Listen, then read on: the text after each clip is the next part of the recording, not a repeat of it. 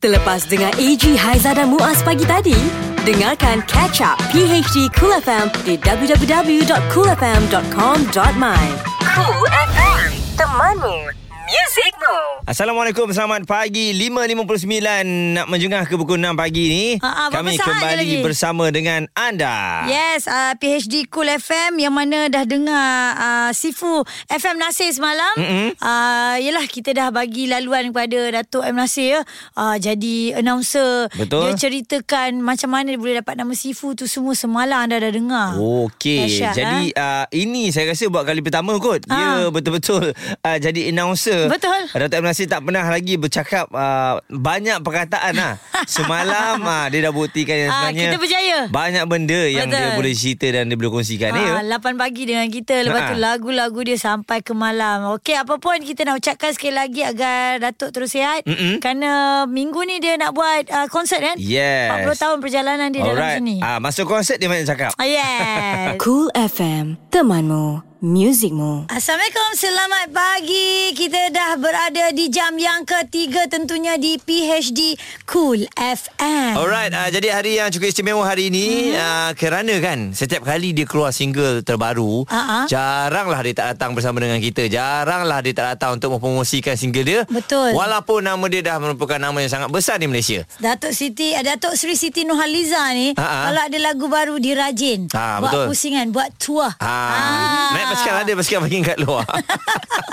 Yelah, dia kayu basikal sekarang Datuk eh. Apa khabar Ya, tu? baik Alhamdulillah. Itulah Apa khabar semua? Baik Alhamdulillah juga Kita tengok selain daripada busy Dengan show apa semua mm Itu dekat IB concert Sempat lagi kayu basikal Ya, kadang-kadang Ah. benda ni apa tahu Dia sebab dah minat Ah, ah. uh Minat menyanyi Minat naik basikal Ah, ah. uh Kena juga cari masa Curi masa Ah, ah. Untuk uh, buat semua tu Mm-mm. tak, Kiranya tak ada Kita kalau dah minat Kita rasa penat tu tak ada eh. Ah, tak dah, ada. dah balik rumah nanti baru rasa Ah Betul Balik rumah tu barulah Tebum ha, tapi yang bestnya sebab uh, dengan suami pun Yes. kayuh bas- basikal Ah, bersama. Itu yang lagi seronok tu Ah, ah. sebab uh, Tidak keseorangan Betul. Ada support, betul, suami eh. Lepas tu ada grup kita Ada grup sendiri. Oh, lah. Haizal jangan lupa masuk grup tu. Ah, saya kayu lain ya.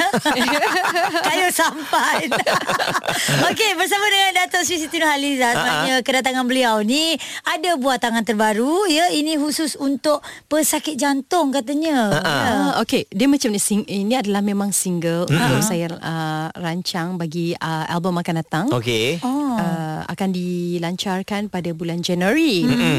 dan kebetulan Ha, uh, produk saya itu Simplicity kita tengah buat kempen Simplicity di hati Dengan mm-hmm. kerjasama Yayasan IJN lah? uh, Yayasan IJN mm-hmm. kempen ni memang dah lama dah mm-hmm. Bermula sejak 2011 Ha, ha. kita dah bantu 14 orang kanak-kanak mm-hmm. uh, tak kira bangsa agama kan so ada mm-hmm. Cina ada Melayu ada India mm-hmm. kita dah bantu 14 orang so tahun ini mm-hmm. uh, dalam bulan 11 ni bulan mm-hmm. ni sampai bulan uh, Disember mm-hmm. saya akan um, apa kata turun padang mm-hmm. buat meet and greet dan sebagainya untuk bantu um, lima orang kanak-kanak yang akan menjalani pembedahan Itu yang dah ada dalam senarai semalam. Ya, yeah, itu memang dah dipilih lah kanak-kanaknya.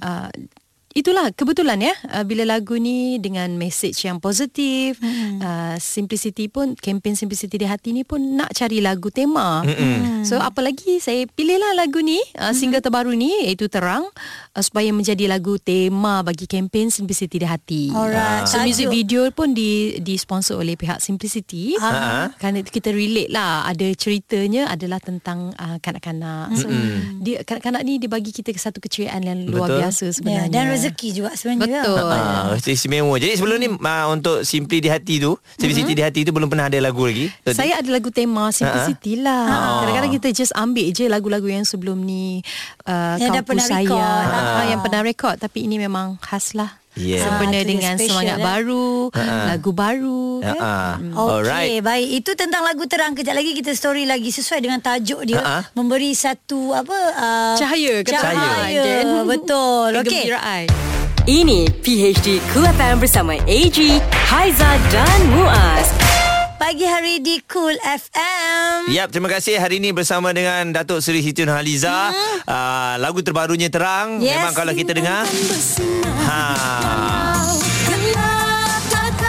Sedap. Ni baru chorus tau. Ha-ha. Tapi orang selalu nak tangkap adalah dekat chorus. Itulah hook dia Betul. tu. Ah, ah, Kan? Dia memang Uh, memang saya uh, saya akui lagu terang ni memang beza daripada lagu-lagu rancak yang saya pernah nyanyikan sebelum mm-hmm. ni kan. So mood dia memang Aubrey cakap uh, mm. dia nak mood uh, apa ya? Sebenarnya mm-hmm. ada cerita di sebalik lagu ni. Okay. ha, pasal cerita apa tu? Share lah, share lah. Ah, so kita pendekkan lah ya. Ah, okay, Kak, Kak Z memang ada plan dulu. Okay. Untuk, dia pernah bercerita dengan Aubrey yang nak ada kolaborasi saya bersama dengan arwah uh, apa Kak Z? Arwah uh, Irama Hassan. Hmm. Tapi uh, arwah meninggal dunia. Uh-huh. Kesempatan uh, berkesempatan. Jadi, hmm. Aubrey sebenarnya dah siapkan satu lagu. Uh, mm-hmm. mood dia macam tu. So kalau dengar dia punya chorus ke apa semua uh-huh. memang mood dia macam ala-ala uh, band-band zaman uh-huh. 60-an dulu kan. Uh-huh. Uh, so itulah bermulanya inspirasi uh, lagu yang kita pilih ni. Mm-hmm. Dan uh, saya bila dengar first time saya kat Aubrey saya simpan lagu tu saya uh-huh. nak. Uh, uh, dan kita buatkan rakaman lah. Terus Datuk Memang Aubrey lah. pun uh, bercakap bila saya menyanyikan lagu ni dia nak lenggok dia macam uh, Saloma punya style. Hmm. Uh, di satu part tu kalau dengar betul-betul lagu ni dia ada hmm. satu part tu yang macam tiba-tiba dia sound dia macam orang lama sikit. So hmm. saya nyanyi macam Saloma. Bintang kan bersinar walau gelap datang. Ah, ah macam tu. Jom ramai-ramai. Bintang kan bersinar. Eh, jadi apa satu part? Ah, memang best. Ni lagu terang terbaru daripada Datuk Sri Siti Nurhaliza. Uh-huh. Uh, sebenarnya bukan sahaja dinyanyikan suka-suka tapi kena juga dengan hmm, uh, projek yang dia, dijalankan project, juga ya. ya. Betul, positif hmm. uh, sebab saya percaya kalau uh, bagi kita hmm. uh, dalam kehidupan kita hmm. ada waktu uh, terang ada waktu gelap ya, kan betul. so kita mm-hmm. kena hadapinya dengan penuh kesabaran dengan positif mm-hmm. sebab kalau kita fikir positif positif lah jadi dia betul dan sekarang ni ramai pula isu-isu orang depressed lah apa segalanya kan uh, so dengarlah lagu ni supaya yeah. bagi kegembiraan Alright. kita percaya juga daripada segi uh, orang seni juga mm-hmm. eh, cara dia nak memberikan semangat tu ada daripada lagu lah daripada kan lagu mm-hmm. lah ini lagu-lagu uh, bangun pagi kalau dengar lagu ni memang akan tenang yeah. uh, kan kalau anda dengar lagu ni pagi tak tenang maksudnya anda ada, masalah tu. Ha, Tapi Kena check balik betul-betul. Untuk pendengar-pendengar Cool FM sekarang ha. Tak tenang. Dia tak Sebab tenang apa? Kerana dia nak tahu Siapa nyanyi lagu Antar Pemana ni Minggu ni. Um, ah. ah, Dekat semi final music, music ni. Siapa yang ganti? Tok Tigo Tok Tigo. Dah lama tak masuk JL Kejap lagi ha. ada jawapannya ya? Yeah Cool FM Temanmu Music Rules Ice Ice Baby. Yeah Ini dia. Baby uh, Kesayangan seluruh Malaysia. Uh-huh. nah, Datuk Sri Siti Tak apa nak baby dah. Tak apa nak baby. Dengarkan kami pagi hari di Cool FM Was Tadi hey. nak sambung ni Antar uh-huh. Permana. Antar Permana. Toti Toti nyanyi sendiri kan? Um, uh, please rindulah takut uh, uh, ada yang akan menggantikan saya bagus uh-huh. suara dia sedap oh, yeah. suara dia lenggok dia pun hebat uh-huh. uh, jadi anda kena tunggulah Ini sampai buat... hari Jumaat ni kan ya yeah, hari Jumaat uh. ni uh-huh. semua peminat-peminat tak sabar ni betul sebab banyak nama dah keluar tapi seorang pun tak boleh teka siapa uh, memang kena tunggu kena tunggu tengok separuh akhir yes yeah. yang pastinya Datuk Siti tak akan perform uh-huh. masa tu memang ada orang yang akan menggantikannya eh yeah. betul kena tunggu siapa je orang tu Siapa uh. orang tu? Siapa? Siapa? Lelaki, perempuan? Tak ah, tahu. Tak tahu. Oh, ha, yang pasti dia orang Malaysia. Rahsia. Ah, yeah. yang penting. Okey, ah. jadi kembali cerita mengenai uh, terang ni kan. Ah. Yeah. Terang dan juga tenang kalau kita dengarkan lagu ni. lirik dia, lirik ah. dia saya tengok daripada Syah Syamsiri. Ah. Memang yeah, kita Syah tahu Syamsiri. orang yang mencipta lirik ni uh, seorang yang suka keluarkan perkara-perkara yang benar, yang positif. Mm-hmm. Ya? Betul. Uh, jadi bekerjasama dengan Syah Syamsiri sebenarnya dah berapa kali tu? Ini kali pertama. Eh, oh ya, betul betul. Oh, Kali pertama okay. uh, bila saya baca lirik dia, mm-hmm. saya tak banyak komen lah sebab mm-hmm. memang susunan dia punya cantik eh. Cantik dah. Mm-hmm. Nak nak part lagi part lagu apa lirik dia Intan Payungku tu suka mm-hmm. sangat saya. Mm-hmm. Uh, so kadang-kadang kita perlu uh, perkataan-perkataan lama macam perkataan klasik uh, mak-mak gitu. kita kan uh, nenek-nenek kita lah Intan Payung uh, uh, tu kan jadi lah. kita jadi macam wah flashback balik Ha, rasa seronok eh. Ha. Jadi pertama kali bekerjasama dengan Syah Syamshiri, mm-hmm. Datuk uh, Siti dah nampak lah dia punya apa orang kata kelebihan dia. Uh, dia dah Mana gel ada, tu kan. Ya betul. Ada uh. ada kelebihan dia. Uh-huh. Uh, dan saya rasa dia antara penulis lirik baru yang hmm. boleh pergi jauh. Okey. Ya. Jadi uh, adakah bila dah keluar single-single terbaru selepas uh, Toti uh, dah bersalin, ada hmm. baby ni kan. Hmm. Lepas tu Toti tak berhenti untuk keluarkan single-single-single tapi yeah. komposer dan juga uh, lyricist yang berbeza. Uh-huh. Uh, Jadi itu ya, adakah itu ke strateginya memang tak nak orang yang sama? Hmm. Uh. Okey, ka, okey. Um, kalau ikutkan kebetulan uh, uh, pencipta lagu samalah mm-hmm. macam kasihku selamanya dengan lagu terang ni Aubrey, Uh-uh. Aubrey uh, juga. yang sama Uh-uh. tapi lyricist dia yang berbeza. Mm-hmm. Um, semua datang secara kebetulan mm-hmm. dan bila lagu tu datang saya suka. Mm-hmm. Saya suka uh, lepas tu kena pula dengan apa kempen yang saya tengah buat ni. Mm-hmm. Jadi uh, Allah tu pemudahkan. Mm-hmm. Uh, lainlah macam kita tunggu tunggu ah, mana lagu yang terbaik. Tunggu lagi tunggu tak dapat, tunggu mm-hmm. tak dapat. So saya bagi saya ilham ni Allah bagi pada setiap orang ni. Mm-hmm. Uh, kadang-kadang uh, ada masa cepat-cepat, Betul. selamat lambat. Mm-hmm. Kita nak siapkan album kadang-kadang mudah dapat je banyak lagu. Dia macam rezeki jugalah. Ah, kan. so saya syukurlah uh, apa plan yang kita buat tu menjadi. Menjadi.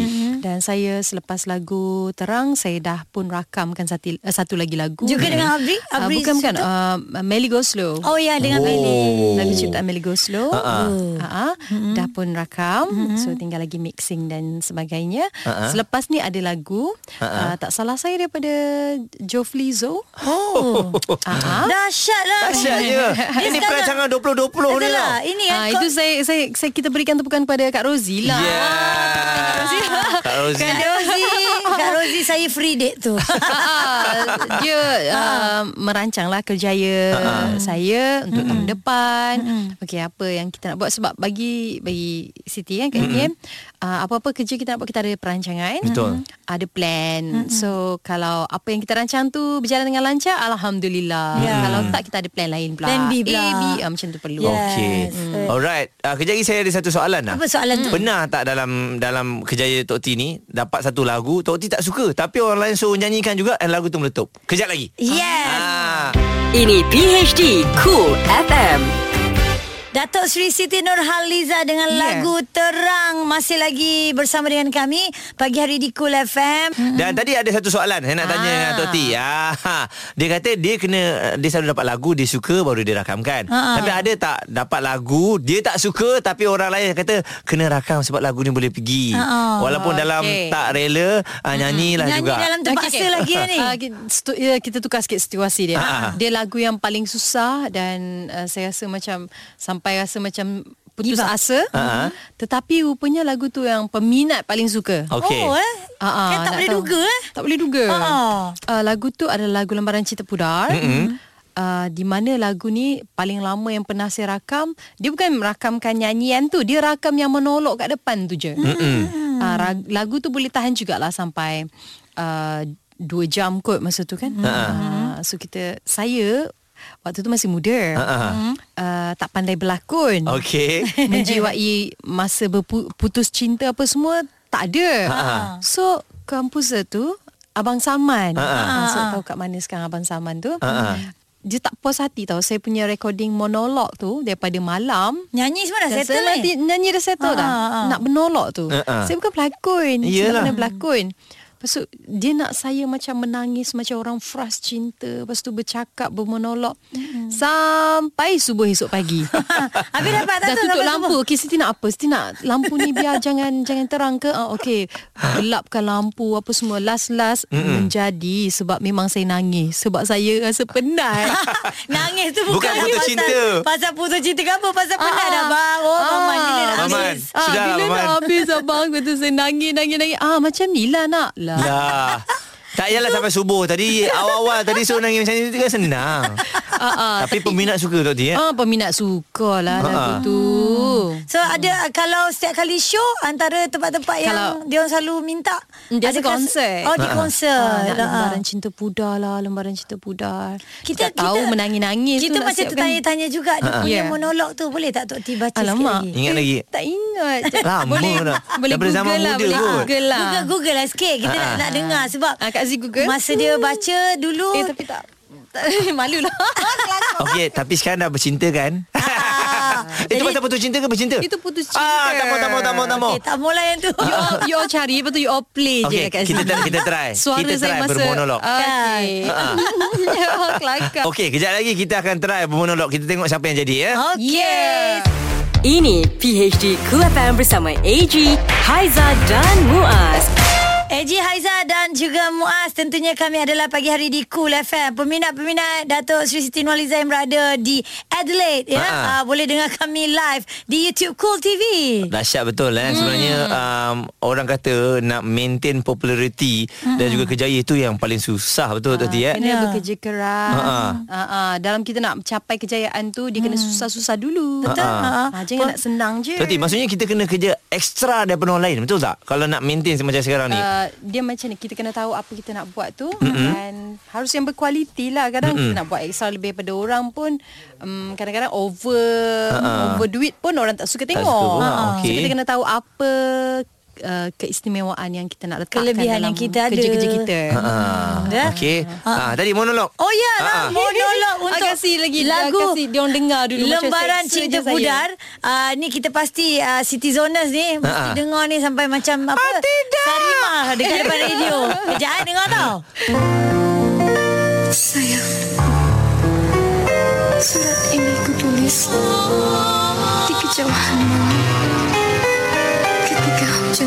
gerimis.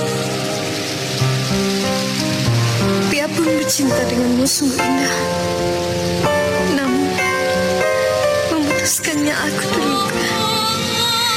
Tapi, biarlah aku kecewa hari ini. Dari nanti kehilangan harga diri.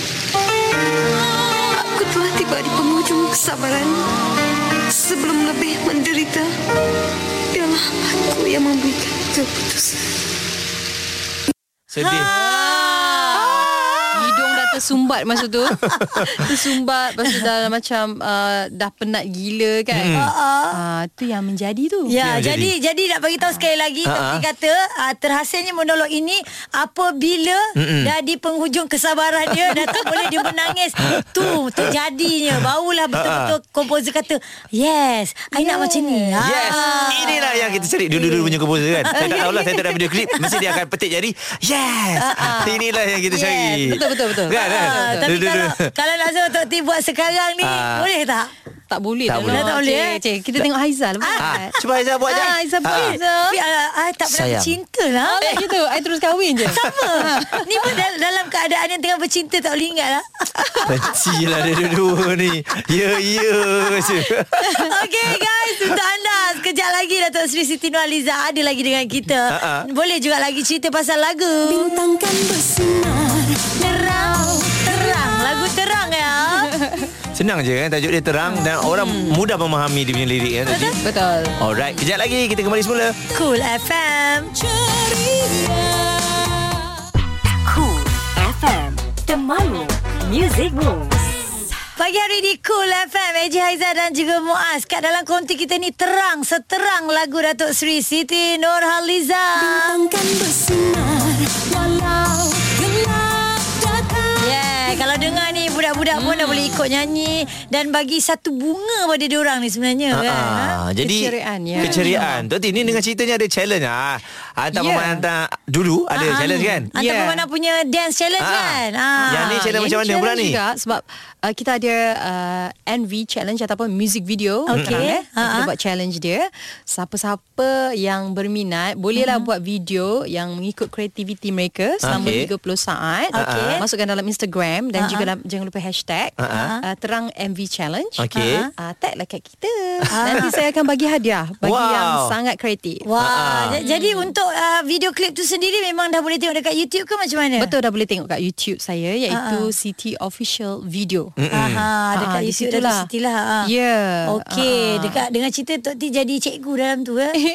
tak ada kalau ikut jalan ceritanya uh, begitulah bersama uh-huh. dengan anak-anak eh. Uh-huh. Uh, dan kita kaitkan kanak-kanak ni dengan kempen simplicity di hati hmm. ada ada suasana muram lepas hmm. kita bagikan keceriaan hmm. naikkan semangat anak-anak ni uh-uh. dan bagi mood positif sebenarnya lagu ni um, saya gembira kerana saya dapat respon daripada peminat melalui hmm. Twitter melalui Facebook dia cakap uh, terima kasih kerana buat lagu macam ni sebab dia orang pun ada ada dalam suasana yang sedih hmm. uh, dalam uh, yang very down keadaan hmm. dia tapi bila dengar lagu ni dia percaya yeah. akan ada sesuatu yang yang uh, bangkitlah positif bangkitkan waktu, semangat kan? dia orang. Hmm. So alhamdulillah lah. Itulah pentingnya kita ni uh, memberikan inspirasi inspirasi kepada yang mendengar, kepada Betul. peminat mel- melalui lagu-lagu Ah, yang kita Bukannya nyanyi saja tu Bukan kan. nyanyi kosong. Bukan bukan lagu-lagu cinta Lagu cinta Tok T dah banyak sangat dah Dah banyak dah. Jadi Itu bila pun orang ucap terima kasih sebab saya tengah bercinta ni tu. Terima kasih.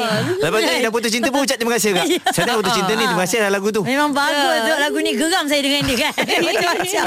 AG, Haiza dan Muaz. Ini PHD Cool FM. Seronoknya kita layan lagu tu eh lagi pula pat-pat. Bintang kan bersinar Walau gelap datang Ingat eh bintang kan bersinar walau gelap datang. Hmm. Ha, maksudnya harapan tetap ada. Akan ada. Ha, asalkan kita berdoa, berusaha. Betul. Ha, dengar kami pagi hari di Cool FM. Ya. Oh. Okey, uh, dengan ceritanya akan keluar album Tok T insyaAllah tahun depan. InsyaAllah Ha. uh, perancangannya adalah adalah pada bulan Januari nanti Mm-mm. akan ada satu album di mana uh, lagu-lagu single saya yang pernah keluar sebelum ni kita masukkan juga Ha ah. dan ditambah dengan lagu-lagu baru. Okey. Oh. Ha, tak sabar rasanya ni memang betul-betul tak berhenti untuk terus berkarya ni Tok T. Betul, eh. betul. Ha, ha. Ha. Rasanya yalah kalau um, kita berkarya selagi mampu, mm-hmm. selagi boleh kan. Uh, dan uh, ini sebagai macam tiket lah untuk mm-hmm. peminat tidak melupakan Ha. uh, apa lagi yang terbaru daripada Siti Yeah. Nurhaliza. Hmm, produk, Ah, ya. Ya betul. Hmm. Kalaupun saya nanti berehat ke apa, uh, lagu-lagu ni terus akan dimainkan. Mm-mm. So itulah perancangan-perancangan yang kita kena buat kan. Okey. Ah, Sekejap, apa list lagu yang Tok T tak ada lagi? Lagu-lagu uh, lagu-lagu semangat dah ada, lagu ketuhanan dah ada. Dah ada. Patriot, Ah, ah. Lagu-lagu irama Malaysia of course. Lagu raya dah tentu ada. Ha, ha. Ah, lagu dangdut. Ya, Ah. alamak. Tan, kena berguru dengan Hai, Haiza. janganlah. Apa nak guru dengan kita?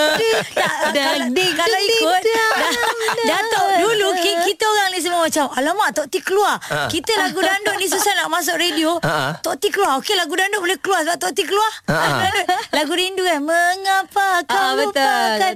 Okey, cantik. Bagi jalan. Betul. Jadi apa lagi agaknya yang yang belum ada lagi yang dalam list um, Tok T belum bawa Ya Mungkin Pasal abang bomba English dah ada. Ah, ah, ini dah ada. Lagu lagu untuk negara kot. Lagu untuk negara Eh, Ah, ah.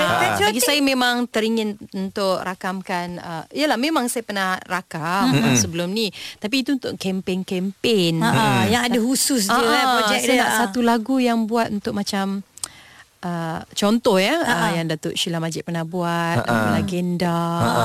uh, um, lagu yang macam tu lah dia macam kita dedikasikan mm-hmm. untuk uh, legenda kita lagu untuk negara kita mm. lagu untuk orang yang kita hormati dan kita Betul sayang Macam Ah, Ella gemilang macam tu. Gemilang ha, Ah. macam tu lagu gemilang Okey. Standing in Ah, the dia eyes of the world. Ha, ha. Tapi Betul. macam uh, rasanya Tok T nak nak pahatkan satu tu untuk semua orang boleh dengar. semua orang semua orang ah. Ya, kita faham. Kita rasa lagu tu insya-Allah akan ada. Mm-mm. Uh, Tengah orang cakap, diusahakan. Tengah diusahakan. Inspirasinya tu memang akan datang insya-Allah 2020. Akan Ya, ah, sampai. tahu. betul, betul. Yes. Okey, jadi depannya. pesanan ataupun uh, kepada semua peminat lah Tok T. Ini memang dah selalu bercakap kepada mereka Yeah. dan mereka pun memberi sokongan setiap kali keluar single. Ah, Single ni betul. keluar 1 November yang lepas. Ya. Ha ah, jadi orang pun memang dah ramai yang request apa semua. Alhamdulillah. Uh, terima kasih pertama untuk Cool FM kena Sama-sama. sentiasa ada apabila Kak Iti ada lagu-lagu Teman baru. memuzikmu kan? Ya. Dan juga kepada semua pendengar Cool FM, uh-huh. peminat saya atau siapa sajalah yang mendengar ni, uh-huh. saya ucapkan terima kasih kerana selama saya bergelar anak seni ni banyak yang uh, mereka bagi sokongan, bagi uh-huh. komen positif.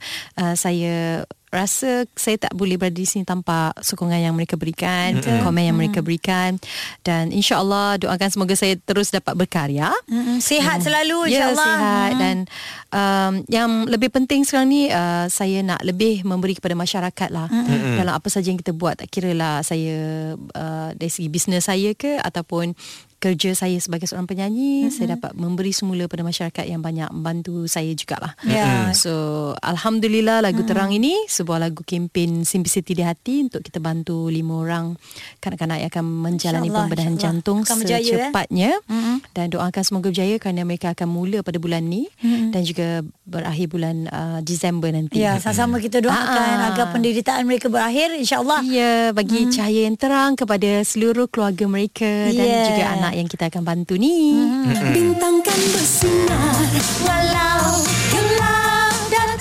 lagi aku dah hafal. Ah, nak bawa masa show kan? Oh, ya. Jangan ambil lagu Tok T please. Kita cover Tok T tak dapat datang.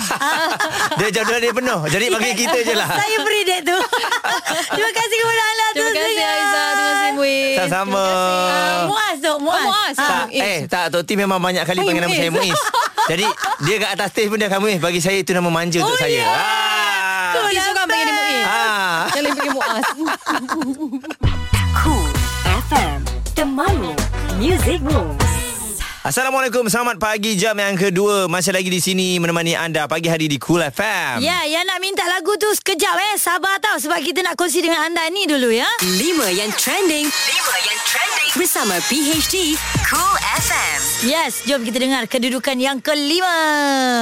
5 Ah, ini yang tak sabar semua orang nak tahu. Mm-hmm. Yang pasal kereta terbang tu. Apa kisahnya? Aiza dengan Muaz ni nak tengok terbang tapi tak dibenarkan terbang ya. Pihak berkuasa penerbangan awam Malaysia CAAM menegaskan pihaknya masih belum memberi kebenaran untuk sesi pandu uji super drone atau kereta terbang UAS E-Hang 216 yang dijangka dilakukan di Subang ya. CAM dalam satu kenyataan menyatakan lokasi sesi tersebut berada berhampiran dengan laluan penerbangan komersial dan juga trafik helikopter. Jadi menurutnya ia juga berada dalam kawasan zon kawalan terminal lapangan terbang Subang yang berada di bawah pemantauan ketat kawalan trafik udara. Okey Ah, oh dipanggil drone eh. Ha ah, kiranya tak berjaya kita nantikan tarikh yang baru ya. Bila nak terbang? 4 Baik ini kisah mengenai tujuh negeri mungkin belum sedia untuk tetapkan had umur kahwin. Ha? Uh, tujuh negeri yang belum bersetuju untuk meminda enactment uh, berkaitan penetapan had umur minimum perkahwinan bagi kanak-kanak perempuan kepada 18 tahun. Hmm. Berkemungkinan masih belum bersedia berbuat demikian. Oh. Ini kata Menteri di Jabatan Perdana Menteri Datuk Seri Dr Mujahid hmm. dan beliau memberitahu walaupun sebelum ini pihaknya mengadakan perbincangan dengan semua majlis agama negeri hmm. untuk meyakinkan mereka mengenai keperluan menghadkan perkahwinan bawah umur namun beberapa negeri didapati belum mahu melaksanakannya. Oh, maknanya open lagi lah. Mm-mm. 3 Okey, yang ini. Yang tua biar jadi tua. Maksudnya tiada lagi make up tua ya. Mulai Januari 2020, semua stesen penyiaran tidak akan membenarkan pelakon muda disolek memegang watak orang tua dalam drama dan telefilm terbitan mereka. Dan pengerusi Perbadanan Kemajuan Filem Nasional Malaysia Finas, Datuk Hans Aizek berkata syarat baru itu dikenakan bagi menjaga hak dan kebajikan artis veteran ya. Finas bertemu dengan semua stesen penyiaran baru-baru ini dan mereka sepakat tidak mahu pelakon muda disolek untuk memegang watak tua. Mm-mm. Mereka menjelaskan apabila kaedah itu digunakan, watak terbabit nampak agak pelik dan tak semula jadi. Jadi selepas perbincangan semua stesen penyiaran memutuskan untuk mengenakan syarat melarang pelakon muda disolek menjadi tua. Ini bagi memastikan produser tidak menggunakan pelakon muda memegang watak orang tua ya.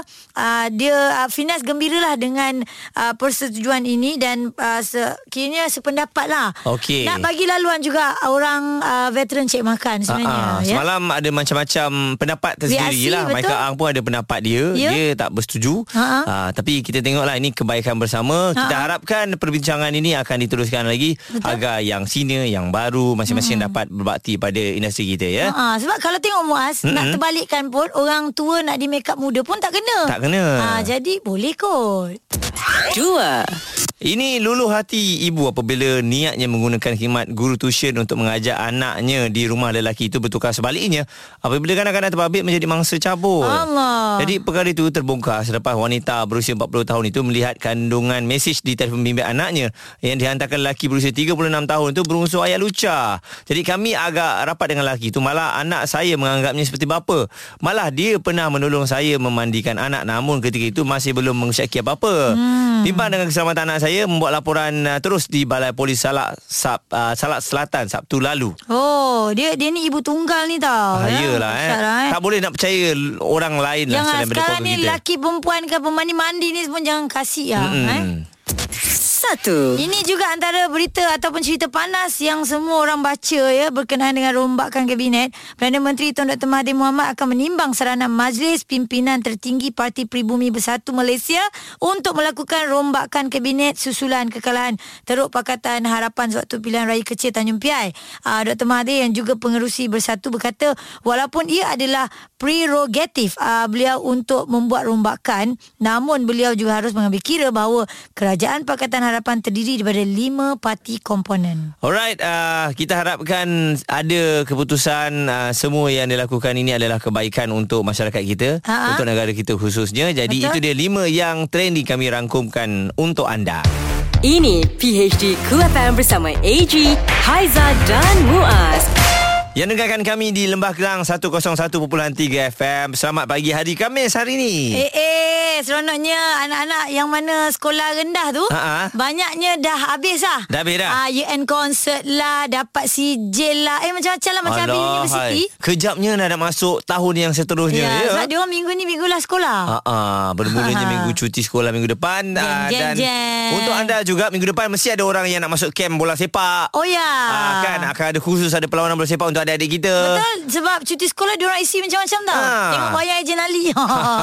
Okey pasal bola sepak Ah, ah. uh, untuk pengetahuan semua semalam kita dah tengok ya kenyataan ini dibuat uh, dah malam lah kan. Okey. Pukul masa saya tengok berita pun dekat berita utama dah bagi tahu yang Kim Sui tak senaraikan Safawi ke Sukan C ya. Mm-mm. Uh, kerana uh, keputusan ni sangat- berat lah dia kata nak merehatkan penyerang muda ini kerana uh, demi kebaikan pemain itu sendiri Okey. yang telah merugi banyak perlawanan Mm-mm. tahun ini sama kelab JDT juga dan juga skuad Harimau Melaya jadi satu keputusan ini demi kebaikan Pawi di mana kita tahu beliau bermain begitu banyak jadi untuk kebaikan semua terpaksa memutuskan supaya uh, Pawi berehat di mana kita mempunyai jadual yang amat penting untuk tahun depan ha. uh, sebab semalam pun kita tanya dia, Dia tak untuk jawab. tahun 2020 dia hmm dia macam tu je kan Betul. jadi uh, Kim Sui berharap semua faham dan dia sebenarnya nak buka ruang juga kepada pemain-pemain yang lain lah untuk menunjukkan kebolehan mereka ya. Alright, hmm. jadi uh, jangan marah, jangan macam kenapa tak masukkan dia, bagilah peluang. Tidak sebenarnya. Ini kebaikan Pawi juga. Ha. Dan uh, insyaAllah kita pun ada ramai pemain-pemain yang hebat. Ah bagilah peluang Ah, kan. Kita kan. tak tahu dia orang boleh dapat pingat untuk sukan C juga. Manalah Kita tahu sebab ah. Pawi dah main memang first 11 Dia Ha-ha. selalu main 90 minit Jadi kalau dipush lagi Takut nanti kesian dia ya. Betul okey. Ah, Hmm, Jadi itu dalam negara. Ah, luar negara pula Ha. kisah mengenai uh, Jose Mourinho Ha. yang uh, sekarang ni telah pun mengendalikan Spurs. Uh, jadi uh, semua terkejut dan Ha. uh, ramai yang macam tak boleh terima kenyataan. Kenapa? Itulah hakikatnya. Dia akan uh, mengendalikan Spurs dan dah start training pun. Oh. Uh, jadi apa-apa pun untuk uh, peminat Spurs di Malaysia uh, ada yang suka, ada yang tak suka macam-macam lah kan. Okey ke tak okey tu? Entahlah sebab uh, si Mourinho ni tak boleh nak baca dia punya Itulah eh. uh, gameplay dia so, susah nak nak bajet boleh menang ke bagus ke tak bagus ke Tapi macam tu lah Biasa tukar-tukar itu normal lah sebenarnya biasalah ya Ha, player tukar-tukar, coach tukar-tukar, pengurus tukar-tukar. Ha. Ada yang baru kerja 5 bulan dah kena sack dah. Ha, betul juga. Kan? Orang tukar-tukar tak apa bergaji. Kita ni jangan jek lalang. kita kena sokong, mana Sokong. yang kita suka eh. Yeah. Jangan duduk atas pagar. Ini PHD Cool FM. Hujung minggu menghampiri kita ya. Besok dah Jumaat. Uh, apakah plan anda? Ingat kita orang selalu bagi tahu agar plan itu kena betul-betul tengok kalau kawasan yang memang uh, hujan, tengok tengoklah cuaca apa semua supaya tak hamba lah kan. yes, bersama dengan kami pagi hari di Cool FM ada sesuatu yang kami nak kongsikan. Ha, ini fakta. Eh, bukan. Ini auta. Eh, mana satu ni? Okey, tapi sebelum Okey. tu kita nak uji minda Haiza dan juga anda semua Ha-ha. uh, mengenai coklat. Okey coklat. Kenapa saya suka makan coklat? Suka makan coklat eh? Ha, tapi se- sekali satu hari cukup lah. Sekali satu hari. Ha. Okey, makan banyak coklat boleh menyebabkan maut. Fakta Ha. ataupun auta? banyak eh. Ha, makan, makan banyak coklat. banyak. Kalau orang tu ada penyakit, ya kot. ha, ha. Uh, Okey, uh, fakta, auta, fakta, auta banyak. Auta. Ha, Auta eh? Ha. Auta. Ha. Yakin? Yakin. Alright, jadi jawapannya memang betul. Fakta. Eh, fakta.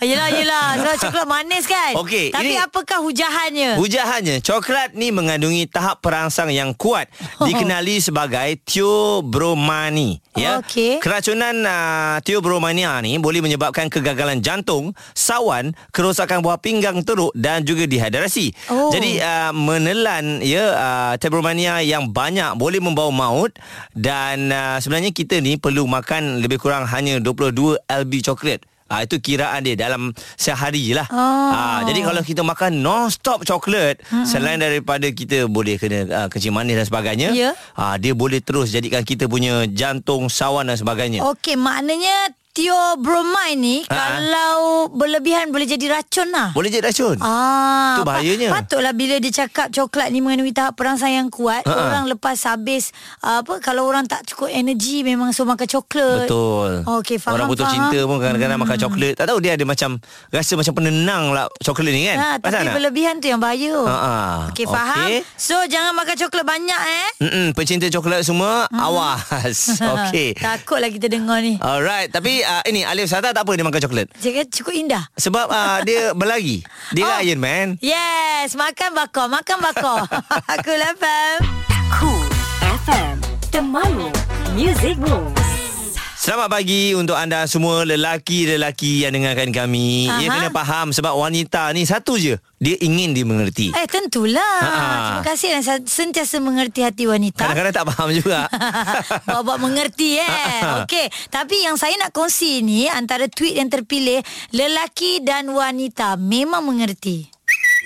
Tweet-tweet di PHD Cool FM Pasal apa ni? Okey, ini dikongsikan oleh Muhammad Hafiz Aiman. Ha-ha. Tweet handle-nya I'm Hafiz Aiman. Okey. Dia kata balik kerja tengok mak ada. Alhamdulillah. Alhamdulillah. Ya. Balik kerja penat pergi dapur nak minum air, tengok-tengok mak dah masakkan untuk kita. Alhamdulillah, Alhamdulillah. aku masih ada mak dia kata. Aku tak tahulah macam mana hidup aku nanti kalau mak dah tak ada. Semoga mak panjang umur. Sayang mak. Amin. Mm-mm. Ha, itu mendapat retweet nak dekat 12,000 tu. Oh. Ah, betul balik kerja uh, yang yang komen ni balik kerja pergi dapur ingatkan mak ada siapkan makanan tapi mak dah tak ada. So siapkan sendiri bahan masak.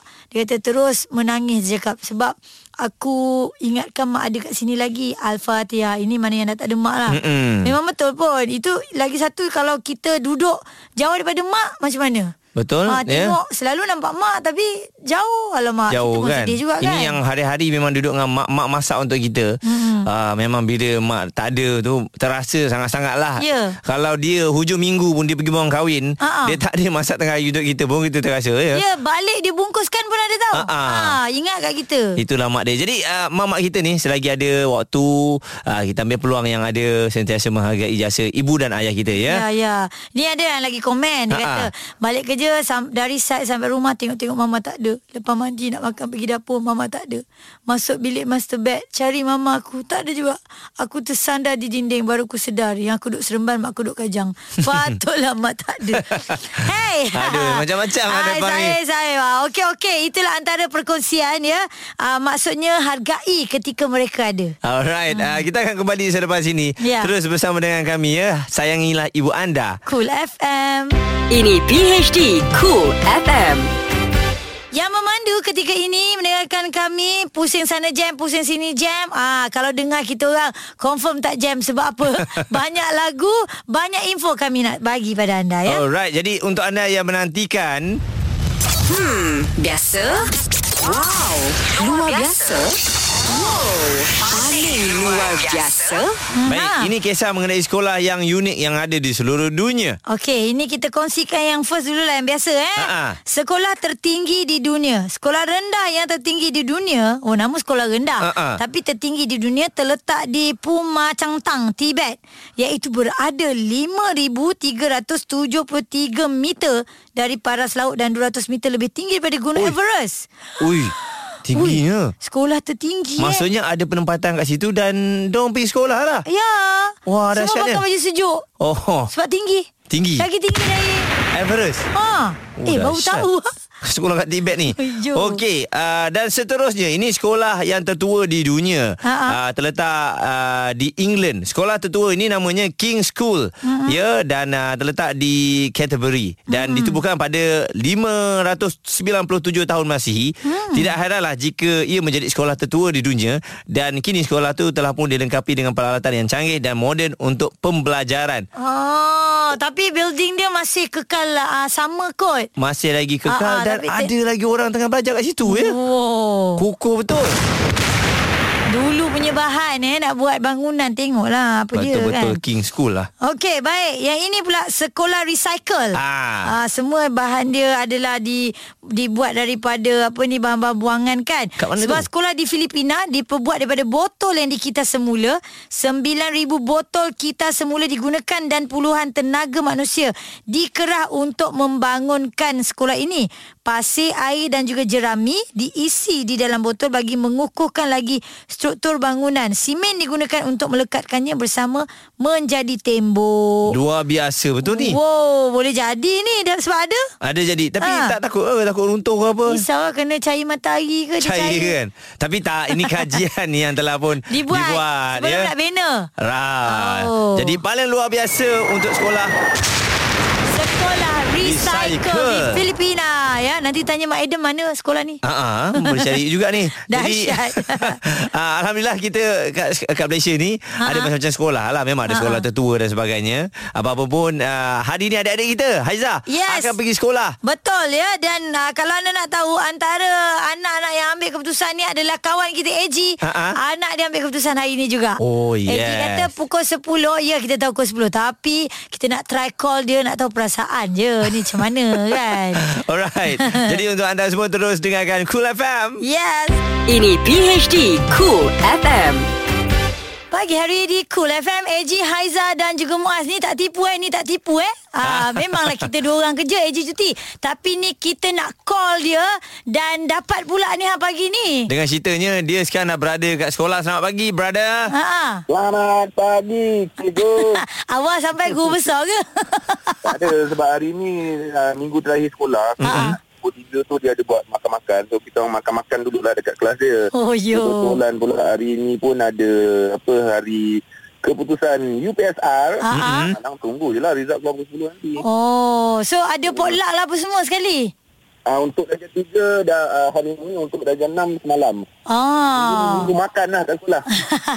so, Ji nak tanya kau ni macam mana? Ah, Siapa Aras kan yang ambil peperiksaan? ha, Aras, Aras. Ah, kerja. tengok nampak gayanya dia lepas ambil UPSR tu dia relax-relax kan. So ni Ha-ha. nak keluar ni dia sendiri tu macam mana? Dia semalam pun macam relax je Aku tengok tak ada apa-apa pun Dia macam relax sangat lah.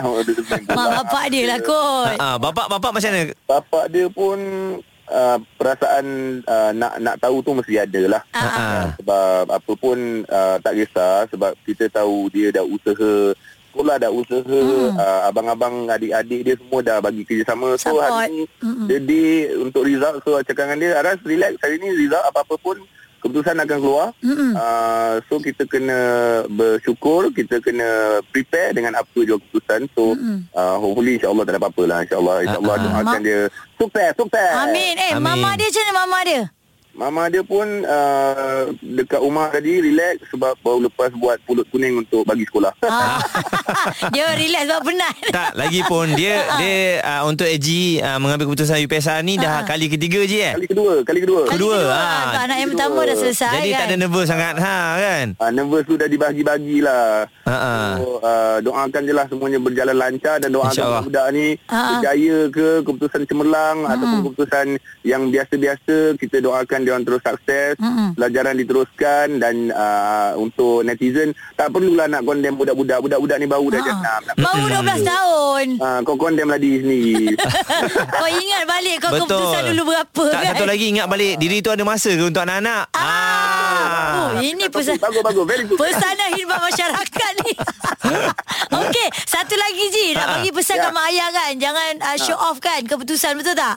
Ya, ya Ha. show off tu terpulang pada individu sebenarnya. Ha. Aku tahu, aku faham sangat. Mm-mm. Niat dia orang tu bukan nak show off, tapi Ha.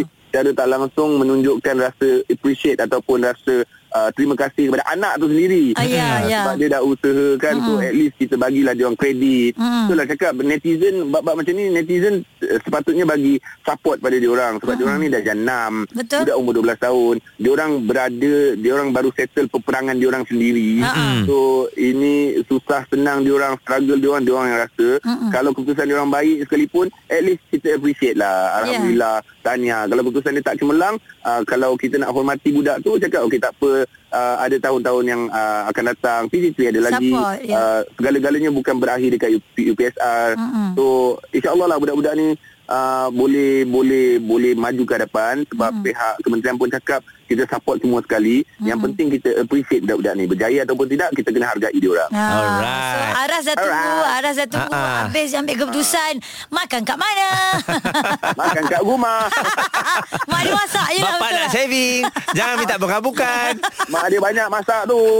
Dah banyak kat rumah. Hantar-hantar lah kat sini Alright Ji Apa pun uh, Apa pun kita ucapkan All the best untuk Aras uh, Kerana Allah, thank you, thank you. uh, Beberapa minit lagi Nak menjengah ke pukul 10 ni kan Ya, ya, ya, betul-betul. Doakan segala-galanya sukses bukan saja untuk Aras. Untuk semua Yes. lah budak-budak yang menduduki peperiksaan ni, Faisal. So, kita jumpa lagi 3 minggu ya. Hey Eh, eh, eh, tak, tak, tak, tak. Lupa, lupa, lupa. Minggu Kau depan. hasam ni Menyesal depan telefon Bahaya ni ni Alasan ni Ni yang bahaya Bila anak orang alasan anak je Anak nombor satu, kena cuti. Nombor dua, kena cuti. Kena, cuti lagi. Dah okay Bye Ah, Oi, tu dia Dia nak cuti lagi Apa nak jadi dengan kita ni Bahaya betul lah Okey cepat buat anak Okey, sekali lagi all the best untuk semua ibu bapa dan juga anak-anak yang ambil keputusan UPSR. PHD Cool FM bersama AG, Haiza dan Muaz. Setiap Isnin hingga Jumaat bermula 6 pagi.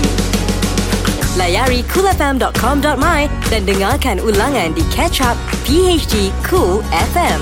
Cool FM, temanmu, muzikmu.